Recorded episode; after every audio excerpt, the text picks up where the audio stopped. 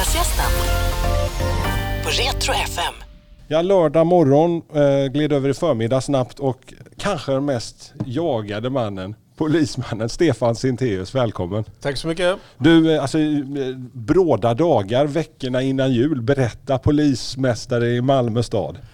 Ja, det är eh, många blickar som är riktade mot oss och det händer mycket. Inte minst utifrån problemen med det dödliga våldet och sprängningar som vi har haft. Så allt från politiken till medborgare och egen personal. Som, så det, det, det är hett om öronen. Alltså, jag, jag trodde att det var nästan så här en politiker i, i slutspurten på någon sån här valkampanj. För jag försökte jaga dem. Ja, det går inte. Han, det, det kan du nog glömma. Alltså, du, du hade mycket att göra. Det var många möten. Ja, det har varit mycket och synka en hel del eh, eh, resurser och så vidare. Så vi har varit igång en hel del och snurrat runt här. Stefan Sintéus, berätta hur började polisyrket för dig? Ja, det började, jag gjorde lumpen eh, 79 och eh, i samband med det så eh, blev vi intresserade av att söka polisen. Så jag läste till reservofficer och sen så under den tiden så, så sökte jag och kom in. Så jag gick polisskolan 81 uppe i Stockholm. Vilken eh, av försvarsgrenarna gjorde Stefan sin värnplikt på? Eh, först pansar, sen så eh, har jag glidit över till underrättelsetjänst. Revingehed kanske? Nej, Hässleholm P2 Ser och man på. P4 i Skövde. Ja, ser man på. Ja. Och underrättelsetjänst, det låter ju spännande. ja, det var en spännande grej att välja. Är det MUST eller? Nej, utan det finns ju det militära underrättelsetjänsten som i och för sig har mycket samverkan med MUST. Men eh, jag har utbildat mig uppe i Karlsborg och, och gått de utbildningarna där och sen så har jag faktiskt varit i, i Bosnien 99 och jobbat som eh, underrättelsechef där nere. Rötterna i Trelleborg. Mm. Kunde den unge Stefan Sintéus, alltså, var- det som alla grabbar att du skulle bli polis Stefan? Ja, men på den tiden var det mycket eh, blåljus, eh, brandbil, polis, den typen av yrke Ja, som jag har alltid varit intresserad av. okej. Mm. Eh, Var det en idrottskille så var, var du som liten grabb? Ja, det stämmer. Jag har ju eh, spelat aktivt volleyboll i elitserien en gång i tiden, allsvenskan. Så, eh, Trelleborg också eller? Nej, Ystad spelat det och sen i Trelleborg också för den delen. Men eh, alltid varit intresserad av att ha en boll framför mig och göra någonting i lag. Eh, TFF? Ja, eh, de har ju, på min tid var det ju IFK Trelleborg Oj, som så eh, pass. var stora då. Men TFF så småningom där ju. Men eh, jag har varit fotbollstränare och sånt uh, ute i Östertorp där Andreas Isaksson kommer ifrån. Okej, så, han kan, han kan tacka dig egentligen lite Nej, för... det kan han absolut inte. Det var, det var innan mig, men han gick ju till Trelleborg innan jag kom. Hur, hur var han att ha som ung adept? Han, har ju, han var ju i gränslandet precis och jag har ju aldrig direkt tränat honom ju men eh, däremot så de jag tränade upp till eh, pojkar 16 de var ju oerhört eh, inspirerade av honom och hans karriär inom fotbollen. Men, men fanns det alltid det där eh, med polisyrket som, som plan eller vad, så när du så här började, man kommer upp i tonåren, man kommer gått på gymnasiet, vad, vad var idéerna då? Nej, men jag hade en uh, morbror som eh, var polis och eh, eh, både hans son och jag var ju e-, extremt intresserade av hans yrke och båda två är, vi är poliser idag båda, båda två.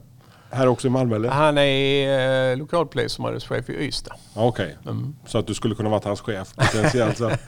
I princip.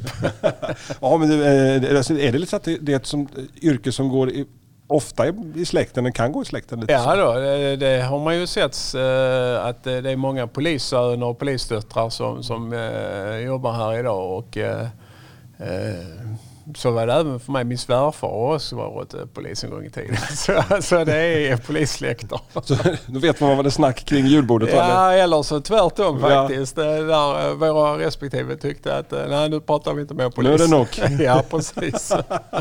Men du, alltså, hur är det, det yrket du klev in i, hur många år har du varit polis förresten Stefan? Ja, det blev ju 39 år så Wow. nästa år är det 40-årsjubileum. Mm. Hur det yrket som du klev in i som ung polisman, utexaminerad från Polishögskolan till där du är idag och det som du har varit med om det sista året?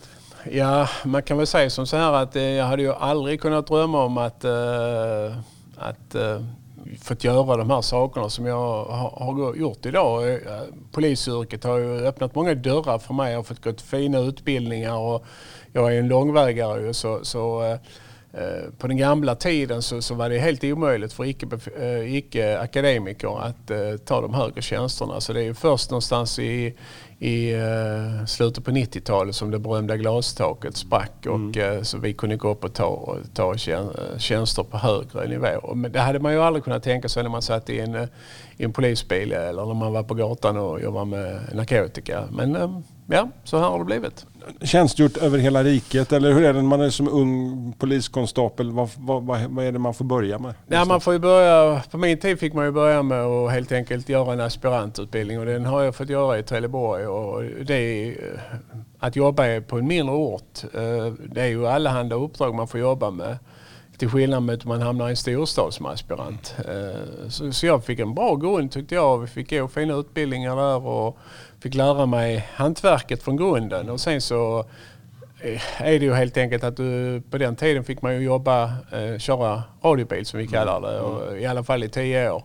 Sen så eftersom, eftersom jag hade gått olika ledarskapsutbildningar inom försvaret och sånt så, så blev jag ju intressant för mina chefer att gå vidare i, i karriären. Och det, så jag har varit yttre befäl och jobbat mig fram i den operativa sektorn. Men om du jämför det yrket, alltså så här, rent så här, det dagliga arbetet, det du var med om då för snart 40 år sedan och det, det du har fått uppleva nu är kanske en ledande befattning än, ja. Nej men alltså framförallt så ser jag ju eh, livet på gatan och, och, och själva ka, karaktären på brotten. De är helt eh, skilda från den mm. tiden till idag. Eh, där vi, alltså jag, det tog väldigt lång tid innan man var med om ett ärende där det var skjutningar eller sprängningar eller den typen av grovt dödligt våld eh, jämfört med idag. Idag får ju en ny polis frontas ganska så barskt med verkligheten hur den ser ut och det är ju en stor skillnad. Jag tycker att man läser i tidningen, jag som också varit med under x antal år, alltså när man hörde att polisen hade fått bruka våld eller ta vapen i hand liksom, så var det stora sensationer. Idag så känns det som att vi är lite vardagsmat på något sätt. Att... Alltså, man blev fartblind helt enkelt. Och det ser man ju, inte minst om media rapporterar olika saker. Att en skjutning eller en sprängning för 40 år sedan, det var ju supernyheter. Medan idag så kan det snabbt dansa förbi Uh, under en dag och sen så är det slut med det. Mm. Så visst har det ändrat sig karaktären på, på den här typen av polisarbete. Uh, har du någon gång så här när det har varit blåst som mest, kanske nu framförallt de här sista åren, har du någon gång funderat på att ah, inte nu igen, jag, jag vill göra något annat eller? Alltså det är klart att man i sina mörka stunder har tänkt vad man håller på med och sånt där ja. när det, det, det skjuts och stormas från alla håll och kanter. Men eh, det har gått över ganska så snabbt. Jag har trivts hela min karriär och, och polisen har erbjudit mig jättemånga bra grejer. Och Men har familjen sagt sen för pappa för tusan för ja, jäklar? Ja, barnen har ju många gånger sagt att måste du vara polis? liksom, jag har ju alltid mm. varit noga med att de ska sköta sig. Och, mm. och det är klart att att vara polisbarn det har ju säkert sina både för och nackdelar. Du pekar lite med hela handen där hemma eller? Ja, men man ser ju sådant. Inte minst liksom när internets inträde kom och eh, på den tidens Lunarstorm och allt vad det innebär. Man börjar mm. se på jobbet ju folk som utgav sig för att vara yngre som mm. var kanske äldre sexbrottslingar mm. helt enkelt. Det är klart att man blir försiktig och pratar med, barnen att uh, tänk på detta och detta och detta och då himlade de ju oftast med ögonen och tyckte man var överbeskyddande. Vuxna barn idag? Idag är de vuxna ja. ja. Har du blivit, uh, morfar eller farfar? Jo då, det också? Till två härliga barnbarn. Okay. Mm. Kan, kan du se det som livets efterrätt så här någon gång Det är verkligen livets efterrätt. Ja. För det, det ger en lite ventiler i tillvaron som jag gillar skarpt man möter både glädje och sorg i ditt yrke, mm. Stefan. Alltså, vad, vad, är det så här som griper rakt in i hjärtat mest, här, som du har blivit så glad över att du har haft det här yrket? Någon händelse genom åren som du så kan tänka? Ja, eh, alltså det låter kanske lite banalt och sånt där men eh, när man jobbar som utredare eller man, eh, när man liksom hade med allmänheten att göra på ett nära håll och man lyckades liksom eh, klara upp någonting som liksom det blev liksom klarlagt vad som hade hänt och när man tacksamheten eh, som man kände där, som man fick den där ärliga, raka tacksamheten. Den är ju eh, ovärderlig och likadant om man körde eh, polisbil ute och, och ungdomar som av olika anledningar, berusning och liknande, där man mm. på den tiden inte var kanske sådär att man rapporterade dem rakt mm. av utan man hjälpte dem hem till föräldrarna och se till så de det, det blev bra och, och, när man sen fick ett eh, vykort efteråt där de sa liksom tack, tack, tack. Mm. Det måste... Ja, det är det lilla. Ja, då, och då, då vänder vi på det då, alltså, eh, någon som blir riktigt ja. genuint ledsen över? Ja, där är ju, där är ju några ärenden som liksom eh, är en riktig sådär. Och det var, jag var, har varit på en hel del tragiska trafikolyckor. Mm. Eh, där eh, folk har dött och brunnit in i bilar och, och, där man är helt maktlös. Man kan liksom inte... Och, vid något tillfälle så hade vi ett, ett litet barn som bara var två år som vi fick ut ur bilen med pappan han, han gick förlorad där. Och det är klart, när man sen kör hem till familjen och delger dödsbudet och har den lille med sig.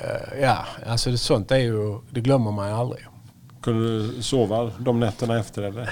Alltså sova, eh, det finns ju något konstigt över oss poliser där vi är stålmän eh, in i det längsta. Men det är klart att eh, än idag, liksom 30 år senare, så, så tänker jag ofta på den stunden liksom där pappan eh, dog och, och jag hade tvååringen ute. Och, ja, och när vi var hemma och delgav den här mamman dödsbudet där eh, som vi försökte göra på ett snyggt sätt eh, enligt konstens alla regler så, så var hon höggravid med nummer två där. Och, ja, det, det bara griper mig. Ja, det går aldrig att komma över. Ni har ju många grejer som måste vara jättejobbiga för vem som helst. Möten, saker som händer, allt ifrån mm. de här senaste tidernas dödsskjutningar, de här dödsbuden. Men behöver man processa det själv? Alltså behöver man någon yrkesmässig hjälp? Alltså man pratar ju ofta liksom de här post traumatic stress mm. syndromen som folk som har varit i krigshärdar. Mm. Och det är ju inte långt ifrån vad det har varit här de senaste mm. mm. åren. Alltså. Nej, men det, är, det är någonting som har ändrat sig väsentligt de senaste tio åren där vi har eh, alltid eh, avlastningssamtal. Vi har eh, särskilda särskilt utbildad personal som tar hand om eh, svåra situationer när vi blir drabbade. Eh, senast dödsolyckan, en kollega förra året som, som förolyckades eh, i samband med ett efterföljande. Eh, och, och likadant de som jobbar med, med barn som har blivit utsatta för mm. brott och sånt. De har ju, vi har ju då exper, experter, då, psykologhjälp och som går på mm. samtal och samtalsterapi. Och, och, idag är det ju mycket eh, vanligare att vi använder det gentemot hur det var förr. För förr var det ju liksom, man, man mm. var stor och stark och skulle klara sig. Men idag så ser vi det på ett helt annat sätt. Och, och det tror vi ger eh, en hållbar polis. I snålblåst, svetslågor, på hög höjd eller med tung last tar du risker varje dag. Genom att erbjuda bästa tänkbara skyddsutrustning och rätt verktyg för jobbet kan vi göra ditt jobb säkrare. Och säkerheten har aldrig varit viktigare. Så välj Swedol. För säkerhets skull! För säkerhets skull. Nej. Dåliga vibrationer är att gå utan byxor till jobbet. Ah. Bra vibrationer är när du inser att mobilen är i bröstfickan. Få bra vibrationer med Vimla. Mobiloperatören med Sveriges nöjdaste kunder enligt SKI. Att bli polis 2020, är det någonting du skulle rekommendera? För att man, man ser ju att det inte alltid varit köer till polisutbildningarna. Mm. Ja absolut, jag tycker, det är, jag tycker det är ett jättebra yrke. Det är ett mångfacetterat yrke. Det finns många olika vägar att välja om du är intresserad av trafik, motorcykel eh, eller utredningsverksamhet, spaning eh, eller helt enkelt eh, jobba med brottsförebyggande verksamhet. Det finns många, många olika eh, kategorier inom vårt yrke som gör att du behöver aldrig bli trött på det. Det behöver aldrig bli monotont om du inte vill att det ska vara det. Uh, och visst är det saker och ting att polera på uh, med lön och, och, liknande med det arbetet som vi utför och sånt där. Men, men uh, yrket som sådant är, tycker jag är jättefint. Och, det är klart att jag rekommenderar det. Arbetskamrater, hur är det? Liksom så här, kåranda brukar man ju prata om sådär va? Ja tyvärr så pratar man ju oftast om kåranda idag som något negativt. Men, jag tänker eh, som något positivt. Alltså ja, det- ja, det- det tycker jag också. Jag, jag tycker att eh, alltså det blir ett extremt kamratskap. Jag menar, eh, jobbar du ett gäng och du jobbar eh, 24-7 och du jobbar där, du sitter, ni sitter tillsammans där klockan fyra på morgonen eller du sitter på, i, på ett spaningsärende, det vi kallar spaningsgropar någonstans. Jag menar, du sitter där med din spanarkamrat liksom kanske i timmar. Försöka hålla varandra vid Ja, vakna. men det, det är klart att det blir att man pratar ju annat och man, eh, liksom, man anförtror eh, varandra saker som man kanske inte hade gjort annars. Och man, man lär känna sin, sin partner på ett eh, extremt eh, nära sätt. Ja. Kosthållningen när man jobbar i- i ordningsmakten. Den klassiska amerikanska donuten Ja. finns ju inte här men man Ja. har ju sett en och annan polisbil som har glidit upp vid gatuköken genom ja, åren. ja, absolut. Men, ja, men vi har ju vissa pass, pass som vi kallar pizzasnurror och sånt där, där, där det liksom äts pizza och sånt. Ja. Men, men eh, jag måste ju säga det att eh, jag brukar ju ta lite pass ute med personalen och jobba med dem ute och sånt. Och, eh, det är inte ofta de eh, stannar till och äter någon munk eller äter Nej, någon korv. Eller så vi kan stryka den för- Ja, det kan man nu helt... eh, till och med eh, med kaffe, som polisen är ju helt kaffesjuk. ja. Tror man. Men uh, unga friska poliser här nu, de, de eh, dricker... De ska ha en liten chai-latte. Ja, de dricker energidryck och har ett helt annat eh, sätt. När jag sitter i polisbilen och blir kaffesugen och undrar ska vi inte köra in snart. Så tar de bara fram en energidryck och sånt. Alltså, så det har ändrat sig. Så idag är ju eh, en, en, en modern och uppdaterad polis idag är, är ju mån om sin, eh, sitt leverne. Precis, de behöver inte några nyårslöften. Nej, alltså det behöver de inte ha. Medan en gammal polisen kanske har lite tendens att bli rund om magen. Men har, har ni någon sån här, alltså, även om man har inre tjänst, någon, någon sån här fystest, alltså skjutas. Vad är det för test man måste genomgå för att visa att man är uppdaterad? Ja, eh, det är ju så att när, eh, man har rätt till en timmes fysträning varje eh, vecka och, och den tar många och, och, och kör sin fys i det. Det vi har som eh, man varje år måste certifiera sig det är ju skjutvapen eh, och, se till så att man bär sin pistol och sånt där. Men annars så har vi ju inga fystester och sånt under tiden du jobbar. Så du kan bli hur tjock som helst egentligen. Så jag, kan, jag kan se ut men- som Tollarpan och... men sen så finns det då vissa specialiteter som vi har. Vi har insatsstyrkan och, och sådana här Ja, special special. Piketen och så Ja kanske. precis. Och då, där, blir de, där har man ju testar, testar man ju under eh, rätt så tuffa förhållanden för att se om man både mentalt och fysiskt klarar av eh, att jobba med det här. Har, har du varit på gärdsgård någon gång, Stefan? så här, eh, oss emellan. Ä- inte, inte när det gäller skjutproven och sånt där men jag kan säga det att eh, vi, vi har ju listor som kommer ut när det är nära att nu måste du skjuta annars så liksom. Och jag är ju den som sitter med tyvärr och får liksom säga att nu tyvärr så har du inte klarat provet inom föreskriven tid. Du får inte ha ditt vapen. Så för mig är det ju extremt viktigt att jag klarar det. Det är som att bli av med lappen och så. Ja, ja men det, så är det ju. Alltså, har du inte skjutit ditt prov och, och eh, med godkänt resultat så, så får du inte bära vapen ute. Och, och får du inte bära vapen ute eh, så eh, ja, då, pratar vi ju inre tjänst och helt andra. Och det är väl det man signade upp för, eller hur? Ja, det är klart. Alltså, jag tycker ju att en, har, man inget, har man inget hinder i form av sjukdom eller att man av någon annan anledning så, så, så tycker jag man ska klara av det som polis. Just nu så jobbar du eh, väldigt mycket med det som har kallats för Operation Rimfrost. Mm. Höstens eh, stora satsning. Eh, Var det på gång innan alla politiker började slå på pukor och trumpet efter alla de händelser som vi hade sett och som varit med om och läst dagligdags? Ja men vi har ju pratat om det, om det ganska så länge här där vi har tidigare kört olika operationer, Alfred, Selma och allt vad de har hetat. Eh, Där vi ser att vi behöver göra, eh, ha en, kanske en annan ordning i vissa opera, eh, operationer för att bli mer uthålliga och, och, och liksom lägga eh, våra eh, muskler där vi behöver dem och riktat eh, på ett givet sätt. Och, och, eh, så vi har pratat mycket om det. Vi har kört olika insatser, det vi kallar särskilda händelser. Men, så det har ju varit på väg hela tiden. Vi har jobbat med sprängningar eh, riktat och det är därför vi har lyckats att eh, lagföra eh, rätt så mm, i stor omfattning kring de här personerna.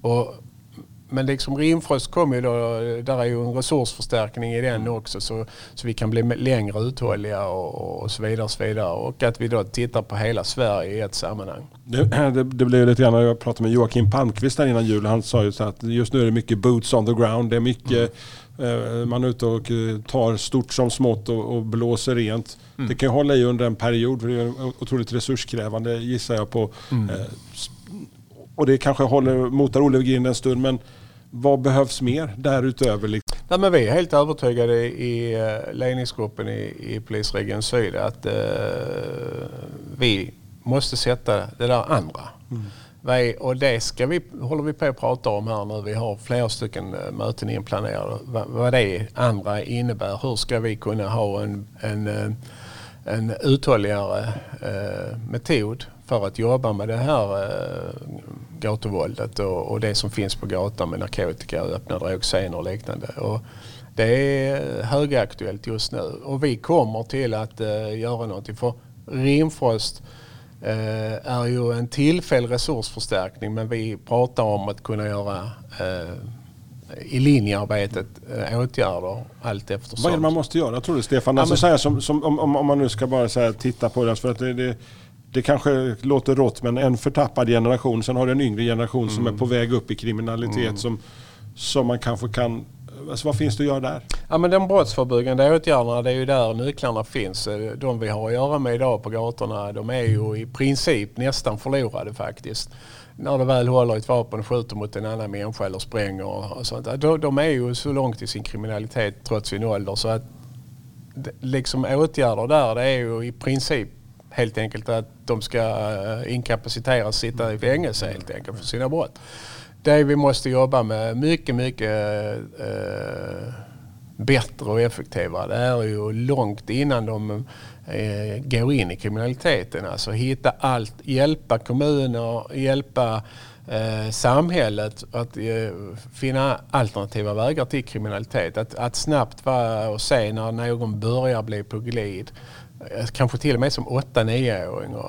Lite där som vi hade för med det, eh, kvarterspolisen som mm. hade koll på ungarna och, och, visste vilka som var och hur olika familjer eh, på olika sätt tog hand eller inte tog hand om sina ungar.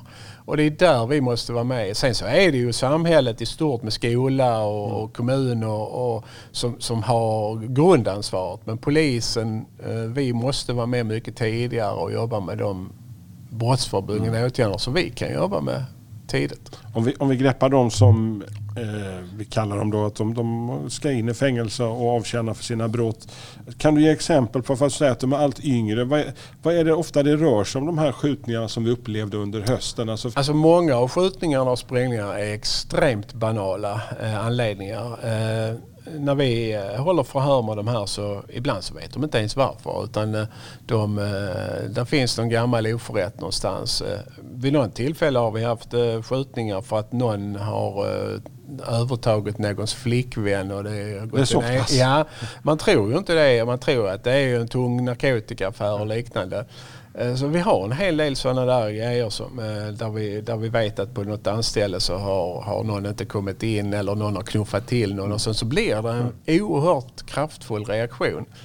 Eh, det finns flera sådana ärenden men det vanligaste som vi sen ser det är ju att kriminella sinsemellan med olika man har inte betalat en skuld, man har sagt någonting och gjort någonting vid något tillfälle. Man har det är mycket hållit, heder och respekt. Ja, ja man har inte hållit vad man har lovat, man har varit illojal mot någon mm. och sånt där. Och, det är, och så hamnar man i en utpressningssituation, någon kan inte betala någonting och helt plötsligt så sätter de en prislapp på någon som eh, någon ska göra någonting. Och, och ja, sen är det någon springpojkar som utför någonting. Och det, vi har sett flera ärenden där de är väldigt unga, där de egentligen inte kanske förstår varför de gör en viss sak. Vi har det här gamla taxikriget som mm. har varit i Malmö i många år. Ja, just det.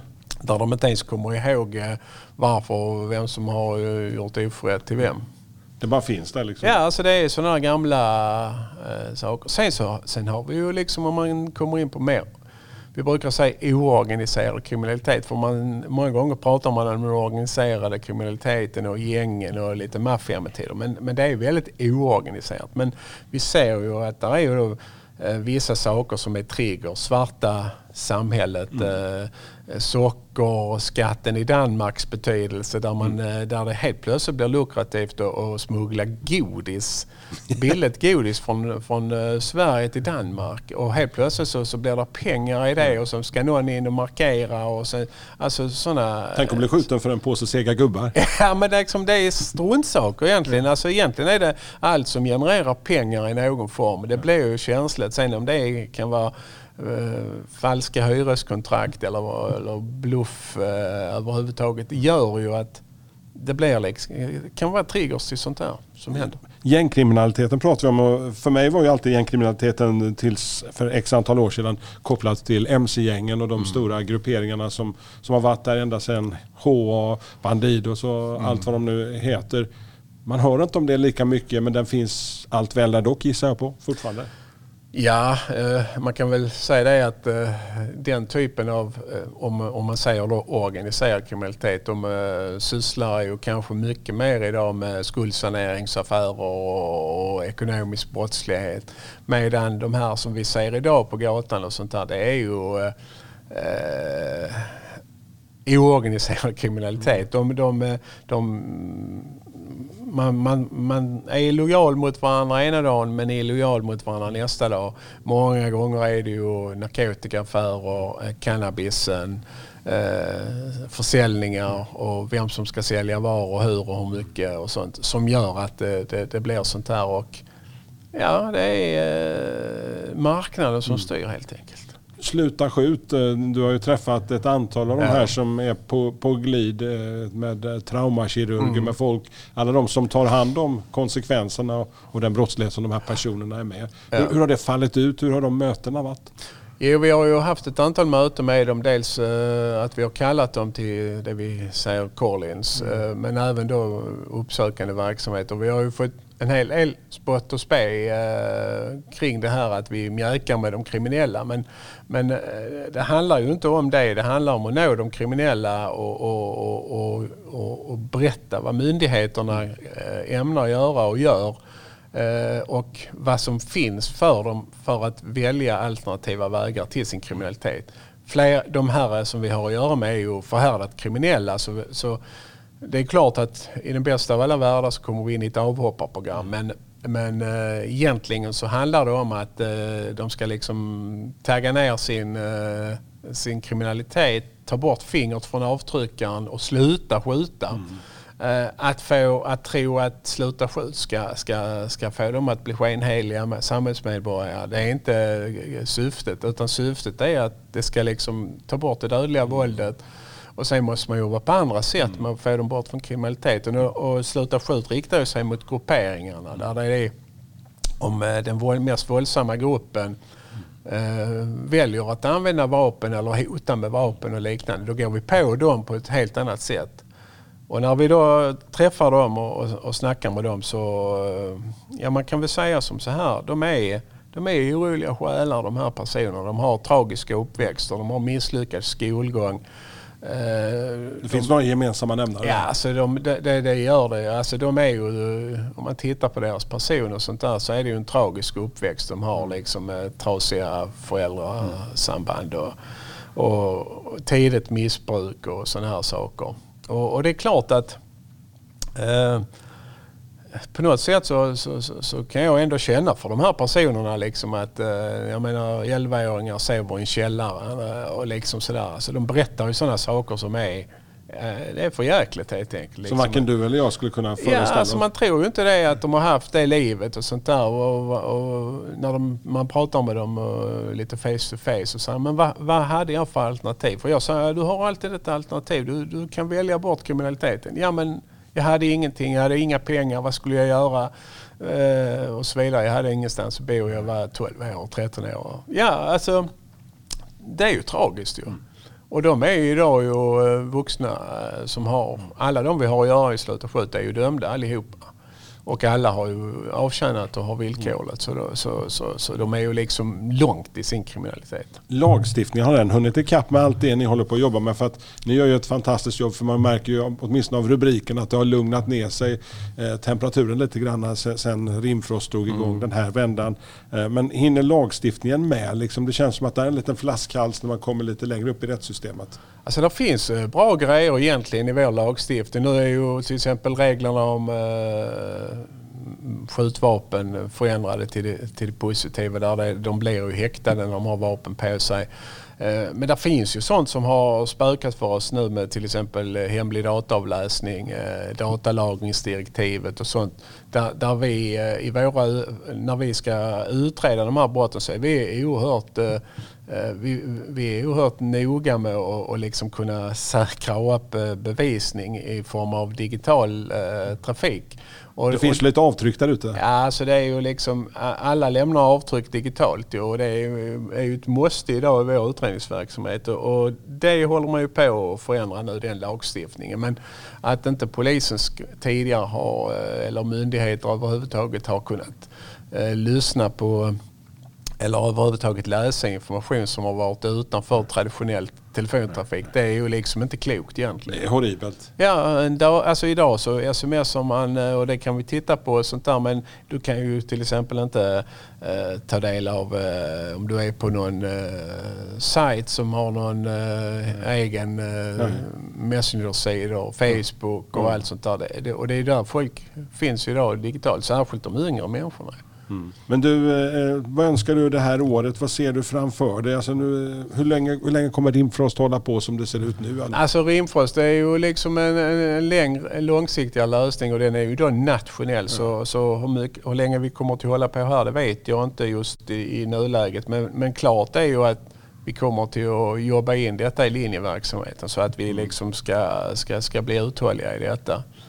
Men om man skulle önska eh, Du får önska vad du vill. För. Ja, det, ja, men eh, det man skulle önska det är ju först och främst så är det ju eh, om man tittar på eh, framtida brottsligheten så, så vi kan ju bara liksom idag skönja vad den digitala kriminaliteten kommer till att innebära med att man kan stjäla digitala legitimationer. och, eh, Ja, jag är jättestressad över det här, ja. Banker, ja men allting. Titta hur du sköter din ekonomi idag. Du, du är ju sällan eller aldrig på någon bank Nej. och gör något. Allting är digitalt ju med Swish och, och vad du har. Och, och den typen av kriminalitet kommer ju till att öka såklart. För jag menar det är ju inga domskallar som sitter och hittar de här eh, ingångarna och kan lura folk på det viset.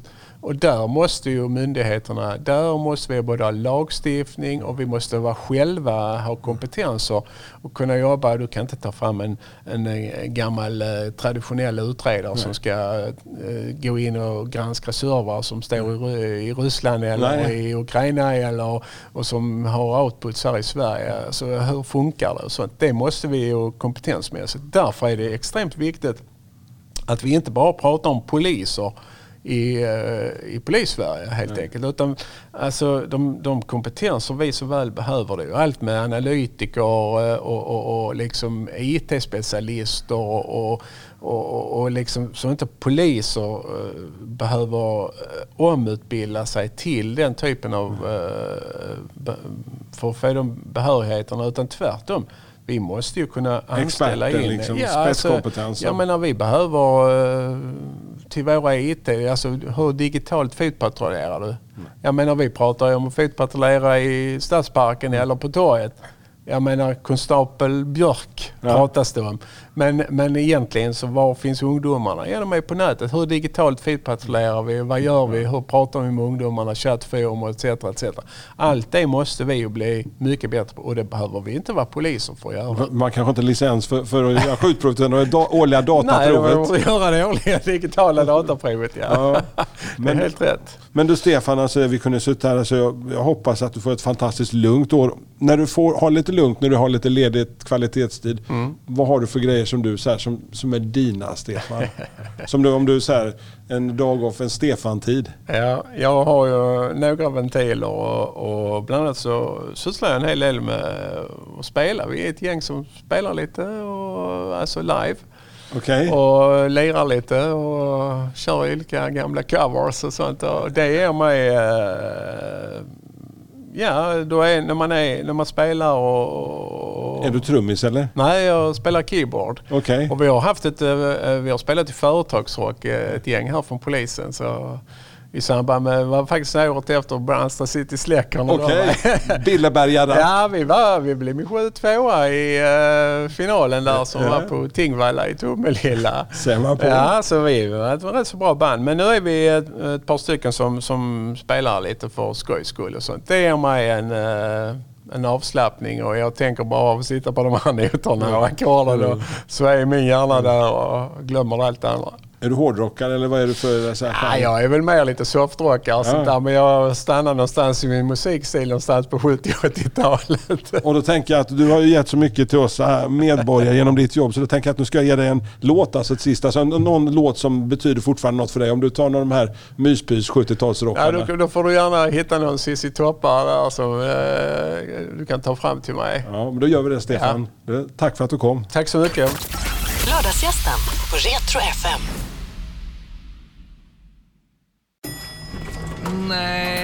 Dåliga vibrationer är att gå utan byxor till jobbet. Bra vibrationer är när du inser att mobilen är i bröstfickan.